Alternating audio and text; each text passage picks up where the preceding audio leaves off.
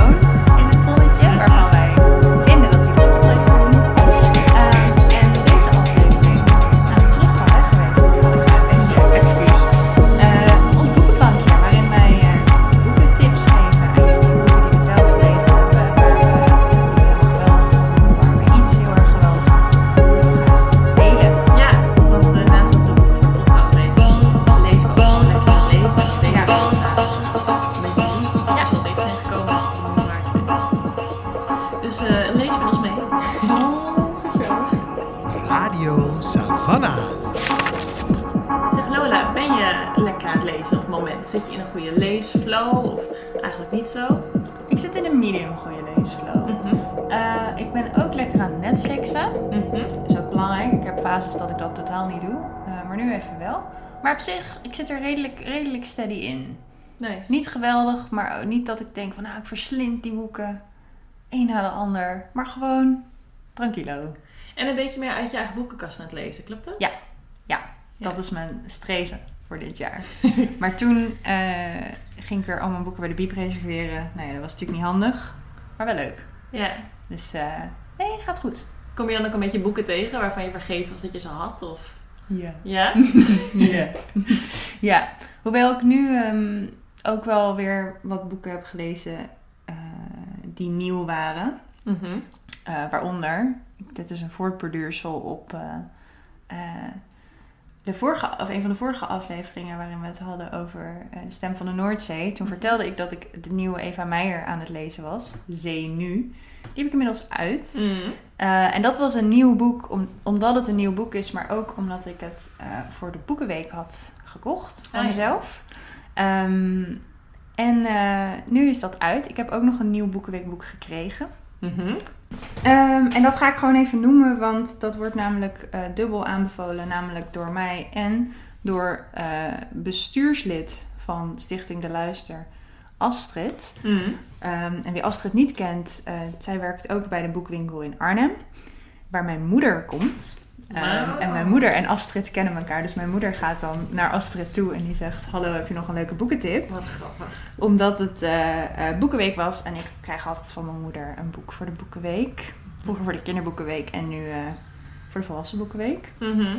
En Astrid tipte een boek van Joe Brainard, een kunstenaar en auteur. Het boek heet Ik herinner me. En gaat over opgroeien in de, jaren eh, in de jaren 50 in Oklahoma en in zijn leven in de jaren 60 en 70 in New York City. Mhm. Dus het is een soort memoires. Ehm, en wat bijzonder is aan dit boek is dat elke alinea of elke zin begint met ik herinner me. Dus het is een soort van bijna Oh. meditatieve eh, ja, opschrijfsel van allerlei verschillende herinneringen.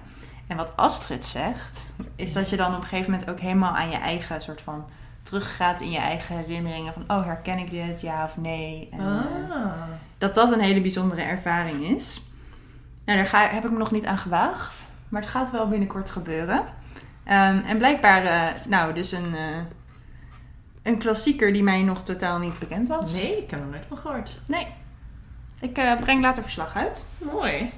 Maar, Boekenweek dus, dat was hartstikke leuk. Want toen kocht ik Zenu van Eva Meijer. Eh, en daar was, eh, daar was ik heel erg enthousiast over. Mhm. Dus ehm, nog even resume voor wie het vorige keer gemist heeft.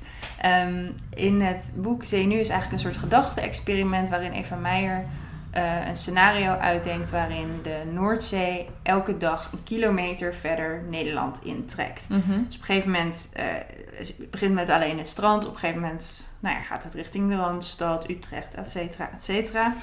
En zij eh, onderzoekt eigenlijk, nou, wat gebeurt er dan? Wat gebeurt er in de samenleving? Hoe reageert de politiek? Hoe reageren mensen? Hoe reageren de landen om ons heen?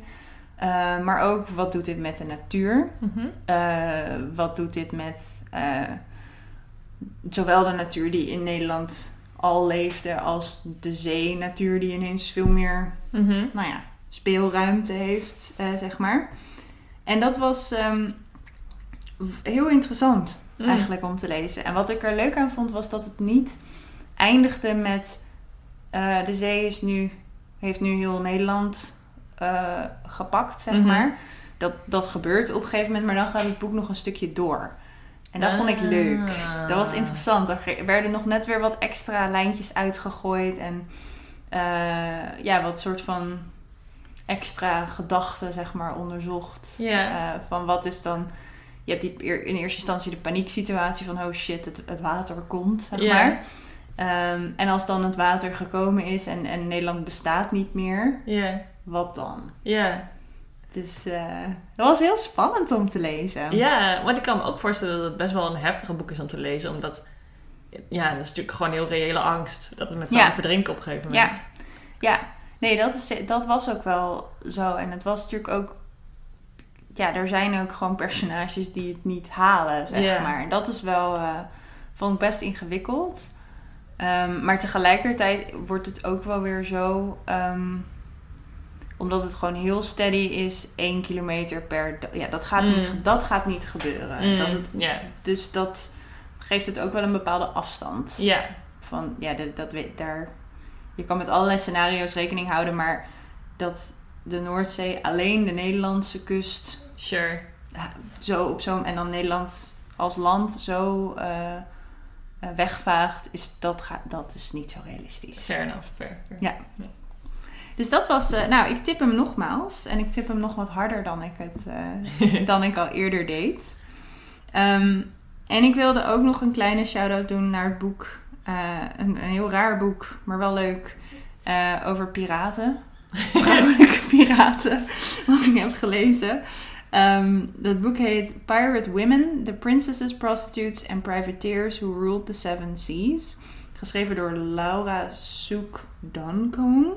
Mhm. Ehm, en dat is een eh, non-fictieboek waarin eh Lau, ik noem maar even Laura, Mhm. ehm, verschillende, de levens van verschillende vrouwen, zowel die echt bestaan hebben als eh, uit mythen, die piraten waren, gaat onderzoeken. Omdat alle piraten die wij kennen eigenlijk mannen Mhm. zijn. En dat, eh, zij onderzoekt ook, nou, waar komt dat door? Dat kunnen we denk ik allemaal wel een beetje bedenken. Mhm. Ehm, en dat was soms een beetje droog, maar vaak ook wel heel leuk. Want het waren natuurlijk allemaal vrouwen die ik niet kende. Mhm. Wat ook de bedoeling is van de geschiedenis. Eh, en waar, zij dus iets, eh, waar Laura dus iets tegen wilde doen. En het ging heel erg over wat zochten die vrouwen. En dan vaak was dat onafhankelijkheid, eh, vrijheid, een bepaalde vorm van agency. ehm, die ze niet gegund was in de samenleving. Mhm. En sommigen eh, bouwden echt gewoon imperiums aan Ja. hele bedrijven, zeg maar, aan piraten. Nou, dat was wel leuk. Want ik, als ik denk aan piraten, dan denk ik aan een, een boot en dan eh, zeg maar de Engelse schepen zeg maar eh, overnemen en dan goud stelen. Is dat in ook een beetje wat ze dan deden? Of? ja onder andere. Of eh, ze werden ook wel ehm, ge, eh, ingehuurd door, door als een soort... Het waren allemaal vrouwen die op zee, zeg maar, dingen doen die, die hun eigen pad vol, volgden. Dat Sure. was een beetje de, de... En op een gegeven moment, helemaal aan het eind, eh, was er dan ook een vrouw die hielp met het smokkelen van mensen uit China naar de VS en zo. En dus, dus het wordt wel breder getrokken dan alleen maar echt, nou ja, de Jack Sparrow-esque eh, piraat. Dat was leuk. leuk. Ik ja. vond, het was echt een geval van wat raar dat ik dit boek aan het lezen was, maar wel leuk. ja. En dat, misschien is dat de boodschap van dit verhaal. Lees gewoon af en toe eens een keer een random Een boek. gek boek. En ja. leer er eens wat uit. Ehm, Nou ja, dat is heel boeiend. ja. En misschien ben je nu ook net eh Our Flag Means Death aan het kijken. De nieuwe Ja, nou, dan kan je Hier mooi... eh, hier mooi op door. Of in elk geval, kijk in elk geval even welke vrouwen er in dit boek besproken worden. En misschien eh, pik er eentje uit om wat dieper in te duiken. Ja, leuk. Op een gekke manier toch ook wel een fijn van een B-boek. Zeker, zeker, ja. En nee, mijn eh, leesgedrag is duidelijk all over the place deze dagen. Maar eh, hoe hangt de vlag bij jou daarbij, uh, Suus? Ja, ik ben ook wel lekker aan het lezen. Hmm. En dat komt eigenlijk doordat de zon weer gaat schijnen. En ehm, dan ga ik heel enthousiast, dan wil ik hele avonden in het park gaan zitten lezen. En dan wil ik op een balkon zitten en dan wil ik niet naar een scherm kijken. En dan wil ik alleen maar ehm, met een glas witte wijn een heel fijn boek lezen. En daar dan lyrisch over zijn. Dus ik ben heel erg in de mood. Ik ben heel erg, zeg maar, willing om een boek te, Hmm. te enjoyen. Nou, dat is heel goed Nederlands. ja, en dat komt echt door het zonnetje. En dan heb ik dus ook niet de discipline om boeken te gaan lezen die ik al heb. Maar dan wil ik alles vers en nieuw en nieuwe titels. En kijken wat er allemaal gebeurt. En overal in mee en overal in mee kletsen. Dus dat is heel erg de vibe waar ik nu in zit.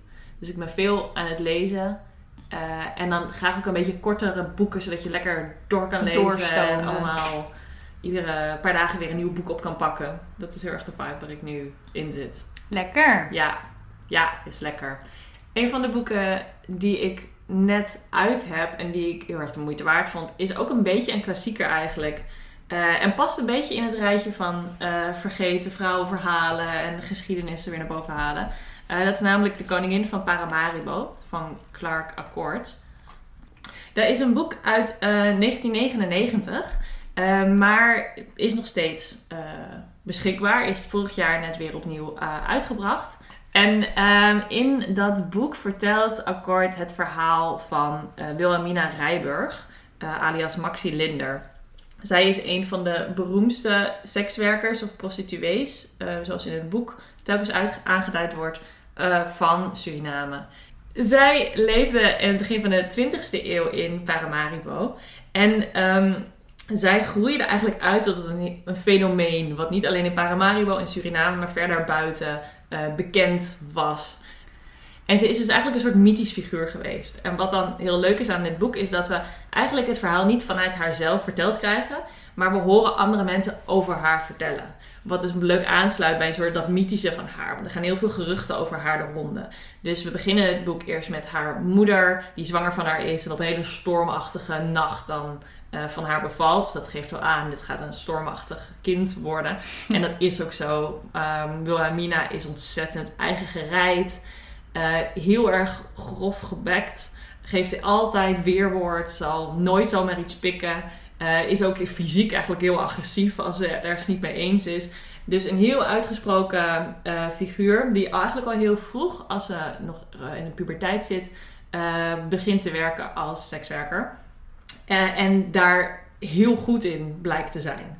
En dat ook super serieus neemt. Dus ze ziet het echt als een vak. Zij heeft allemaal technieken. Zij heeft verschillende strategieën over het seks hebben zelf. Maar ook over hoe ze zichzelf daarin positioneert. En hoe ze zichzelf um, um, ja, zeg maar in, in, de markt zet. En wat voor soort cliëntele ze wel en niet uh, accepteert. En ze is dus naast dat ze uh, een hele goede sekswerker is. Ook een heel goede zakenvrouw. Wat ze dan later in haar leven weer Um, verder, verder uit zal breiden. Um, en dat maakt haar dus heel interessant. En dat maakt ook dat heel veel verschillende mensen op verschillende manieren naar haar kijken. Dus we zien de verschillende uh, perspectieven van haar moeder, maar later ook van haar concurrenten of haar collega's. De mannen die verliefd op haar worden. Uh, de mannen die haar eigenlijk uh, het liefst soort onder de duim zouden willen houden. die, dat perspectief shift de hele tijd. Waardoor we allemaal verschillende kanten van haar leren kennen. En dat is heel interessant. En ook omdat het zich afspeelt in het Paramaribo van het begin van de 20e eeuw. Daar krijg je ook een andere. Ja, daar is de sociale verhoudingen, hoe dat werkt, de politiek, hoe met de, de onafhankelijkheid op een gegeven moment van Suriname en de komst van de Amerikanen daar speelt er allemaal een rol in. Dus je krijgt een heel veel, uh, heel breed beeld van zowel het leven van Maxi Linder als ja, het Paramaribo, zeg maar, van die tijd. Uh, en dat wordt eigenlijk versterkt omdat akkoord ook heel veel gebruik maakt van uh, Schranang.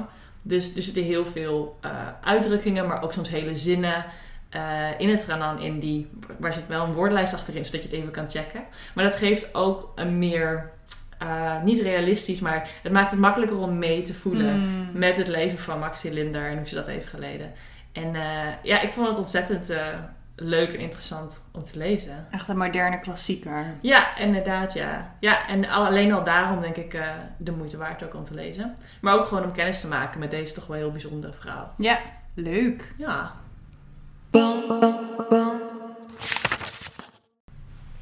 Ik denk in het eh, kader van lezen wat ik in mijn boekenkast heb staan, Mhm. eh, ben ik op het moment een boek aan het lezen dat heet De Kloof, een weekend, geschreven door Dorothea Tanning. Ehm, en ehm, Dorothea Tanning was een schilder, een beeldhouwer en een dichter. Eh, en haar debuutroman is dit, De Kloof, een weekend. En dat verscheen toen ze 94 was. Mhm. Het is haar enige eh, roman. Eh, en zij is in 2012 overleden, in 1910 geboren. En zij was onderdeel van de surrealistische kunststroming. En daar had ze nou ja, allemaal contacten met Marcel Duchamp, Marc Chagall. En haar partner was Max Ernst. Allemaal Hmm. bekende surrealistische kunstenaars. En dit boek is uitgekomen in de klassiekersreeks van Orlando. Ehm, en dit voelt ook echt als een klassiekersreeks van Orlando Mm. boek. Want dit boek was niet een commercieel succes. Als kunstenaar was eh, Dorothea ook deels overschaduwd door al die mannen om haar heen. Die veel meer omarmd worden door de, door de eh, geschiedenis en in de kanon eh, een plek innemen. Ehm, maar met een tentoonstelling in het Tate Modern en deze vertaling van Annelies de Hartog, die is uitgekomen in 2019, krijgt zij echt weer een nieuwe boost aan eh, ja, zowel toegankelijkheid tot haar werk als misschien ook eh, erkenning en een groeiende populariteit. Ehm, en zij is gewoon een heel markant figuur altijd geweest. Wat, wat sowieso al heel, heel leuk is. En dat iemand op een 94ste nog denkt: Weet je wat, ik ga doen een roman schrijven. Ja. Dat lijkt me leuk. Dat is natuurlijk al heel erg eh, geweldig. Ehm, ik heb het boek nog niet helemaal uit, maar tot nu toe is het eh, prettig raar. Ehm, het speelt zich af in een eh, huis, een soort landhuis in, in de woestijn in Arizona. En daar, het heeft iets eh gothics ook wel. Dus het is een mysterieus groot landhuis in een verlaten woestijn. Mhm. Waar een, nou ja, een beetje creepy man woont. Mhm. Ehm, met die ook een soort business heeft in het maken van machines. Waar een beetje de implicatie is dat het een soort seksmachines Oh. zijn. Of, nou, ik ben er nog niet helemaal uit. het is vaag. Seksmachines? Ja, het, het- maar, maar een beetje creepy ook. Dus dat is de, de connotatie in elk geval dit op. Hij is een beetje een ehm, ja, creepy guy. Sure. En hij woont daar met zijn eh, dochter Destina. En dat is zo'n heel feeriek, vreemd weer meisje. Dat dan opgroeit in zo'n huis in de woestijn. Wat natuurlijk helemaal, eh, nou ja, afgesloten is van een normale, de, de samenleving. En, en eh, contacten met andere kinderen. Mhm. En eh, het, een soort klas, in een soort klassieke plotmove komen daar natuurlijk mensen van buiten. Die worden uitgenodigd door die vader. Mhm. Ehm, en die denken, wat de fuck, waar zijn we nou weer beland? en daar gaat iets mee gebeuren. Dus er hangt er een beetje een sinister sfeertje. En eh, het gevoel alsof er iets niet klopt. En alsof er iets onheilspellends gaat gebeuren. Ehm, maar het is mij nog niet duidelijk wat. Er is ook nog niks per se gebeurd. Dus het is niet zo van... eh, we hebben een diner gehad en is een moord gepleegd... en we moeten nu gaan uitvogelen wie dat heeft gedaan. Een soort. Cluedo-plot. Ehm, maar, maar mysterie en een beetje ongrijpbaarheid... maar wel een beetje creepy. Want je bent halverwege. Ik ben nu. halverwege. Ja, nee, dit schiet natuurlijk geen zak op. Eh, en ik denk eigenlijk misschien dat ik ook... Ik denk, dat het werkt naar een bepaalde climax toe. Dat Ja. geloof ik wel. Ja. Eh, maar ik weet niet of ik hem ga begrijpen. of ooit een soort van... De, de vinger ga kunnen leggen op wat er nou precies gaande is in dat Sure. huis. Maar dat, dat, zoals ik het begrijp, zoals je het vertelt, is dat ik niet per se wat het boek doet. Nee, Het gaat nee. heel erg om die sfeer en om de gek, eh, gekkigheid. Ja, ja. En om het... eh, ja. Ja. De creepiness. de creepiness en de, eh, de geheimen en de intriges en de eh, ja, schoonheid misschien ook wel daarvan. Dus dit was een redelijk willekeurige aankoop, die ik nu dus ook redelijk willekeurig uit mijn boekenkast heb gevist. Ja. Maar so far so good. Nice. Ja, We zitten goed in de klassiekers. eh. ja we zitten wel goed in de klassiekers. Ja. hoewel dit boek eh, dus verscheen in 2004. Oh ja, Dus dat valt mee. klopt. Maar wel, eh, nou ja, onderdeel van de klassiekersreeks en van de soort van vergeten verhalen reeks van Orlando. Ja, Onvolprezen, maar wij zijn fan. heel erg. Ja. Nou, om hem af te sluiten. Ja, zal ik nog even een heel ander soort boek op ons boekenplankje plaatsen. Een ander boek namelijk wat ik eh, recentelijk gelezen heb is ehm, George of Melissa van Alex Gino. En dat is een, eh, een kinderboek. Is zo'n beetje zo eh mid-grade. Ehm, ik zou zeggen zo lezers tussen 10 en 15 zouden dit leuk vinden. Of tenminste, daar is het in principe voor geschreven. En het is het verhaal van... ehm, ja, ik, daar- ik zal maar Melissa noemen. Ze is een transmeisje.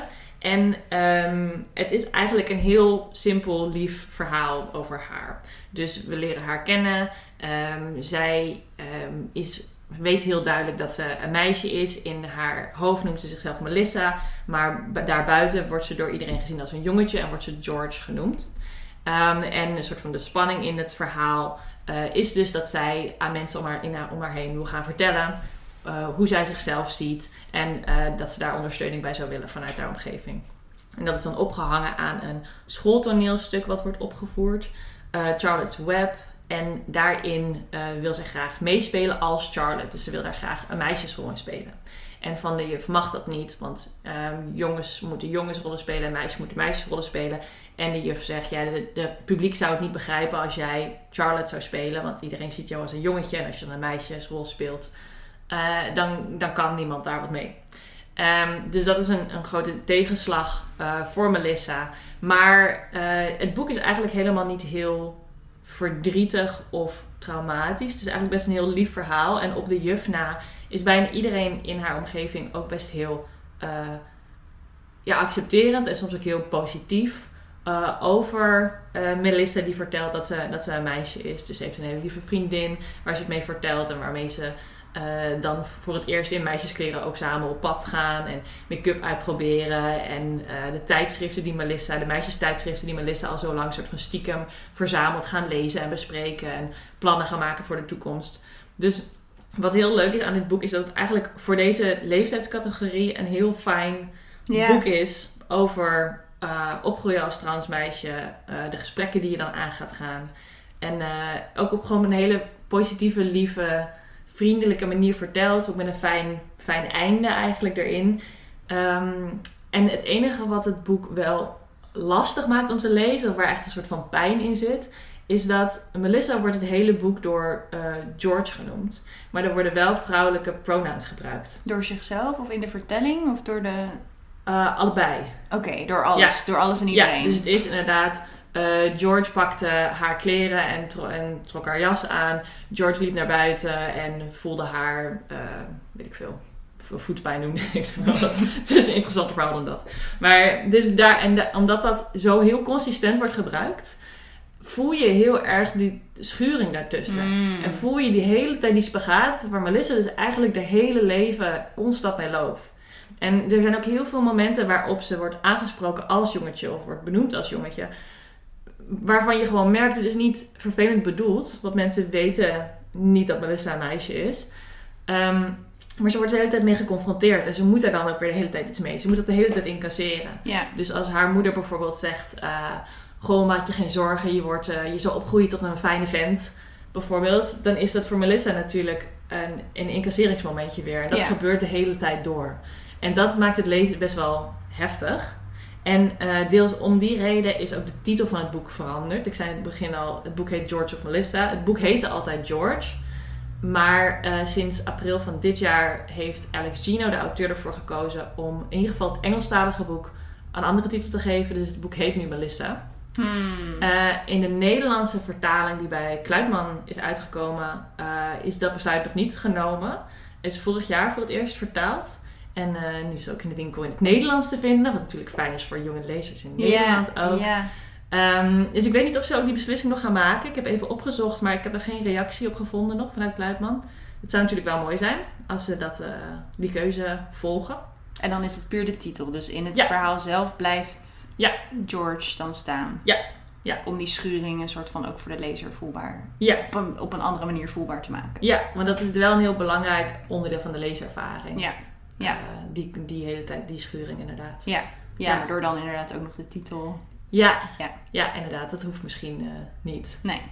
Maar het is een super fijn boek en het is natuurlijk gewoon een fijn, leuk, lief boek om te lezen voor, voor iedereen. Het is natuurlijk specifiek leuk als je bijvoorbeeld zelf kinderen hebt eh, die trans zijn, of als je überhaupt kinderen hebt en je wil daar iets over lezen, of als je zelf een kind bent en je, je zou er graag meer over willen lezen, of je jezelf nou wil herkennen, of een vriendje of vriendinnetje uit je omgeving wil herkennen, of dat je gewoon ja, de- deze levenservaringen eh, Ja. mee in aanraking wil komen. Maar ook, ik denk, we hebben best heel vaak mensen in de winkel die zeggen: Ik wil graag een boek aan mijn familie geven, zodat ze iets begrijpen van wat ik meemaak. En familieleden zijn niet altijd hele grote lezers. En die gaan niet helemaal theoretische eh, zeg maar, teksten doorwerken. En dan kan er soms kinderboeken kunnen dan ook een heel fijn opstapje zijn. Gewoon omdat Ja. je toch met, ja, je hebt, hoe, ja, het duurt een paar uur om dit boek te lezen. Het is hartstikke lief, het is een leuke ervaring. En eigenlijk heel toegankelijk voor mensen van alle leeftijden. Dus heel fijn dat dit boek er is. Heel fijn dat het ook in het. Nederlands is. Ja. Fijn dat de titel wordt aangepast. En gewoon een hele dikke aanrader voor iedereen om te lezen. Superleuk. Ja. Daarmee komen we eh, aan het einde van deze aflevering van Radio Savannah. Eh, hopelijk ehm, hebben we je wat kunnen inspireren, wat boekentips kunnen geven. Misschien heb je wat titels opgeschreven. Als dat zo is, dan vinden we dat altijd leuk om te horen. Als je een boek van ons boekenplankje op hebt ge- gepikt. Of als je hem al gelezen hebt en je denkt, hey, dat vond ik zelf ook een hartstikke leuk boek, daar wil ik wel eens over kletsen. Laat het ons weten. Het Savannah B. Je kan ons mailen via info.savannahb.nl Of kom natuurlijk gewoon lekker eens de winkel in om te kletsen met ons en onze collega's over alle leuke boeken die je zelf hebt gelezen. Ja, en over alle willekeurige boeken die je soms uit de kast Ja. grijpt. Of van een uitverkoopstapel. En waarvan je denkt, nou dat was me toch het. Ja. Dat was helemaal geweldig. Wij horen het allemaal graag. Zeker. En wij bedanken natuurlijk, as always, Gooflux voor het maken van onze intro en outro muziek. Rieke Blom voor het maken van onze logo. En eh, jullie, lieve luisteraars, voor het luisteren. Tot de volgende week. Bye.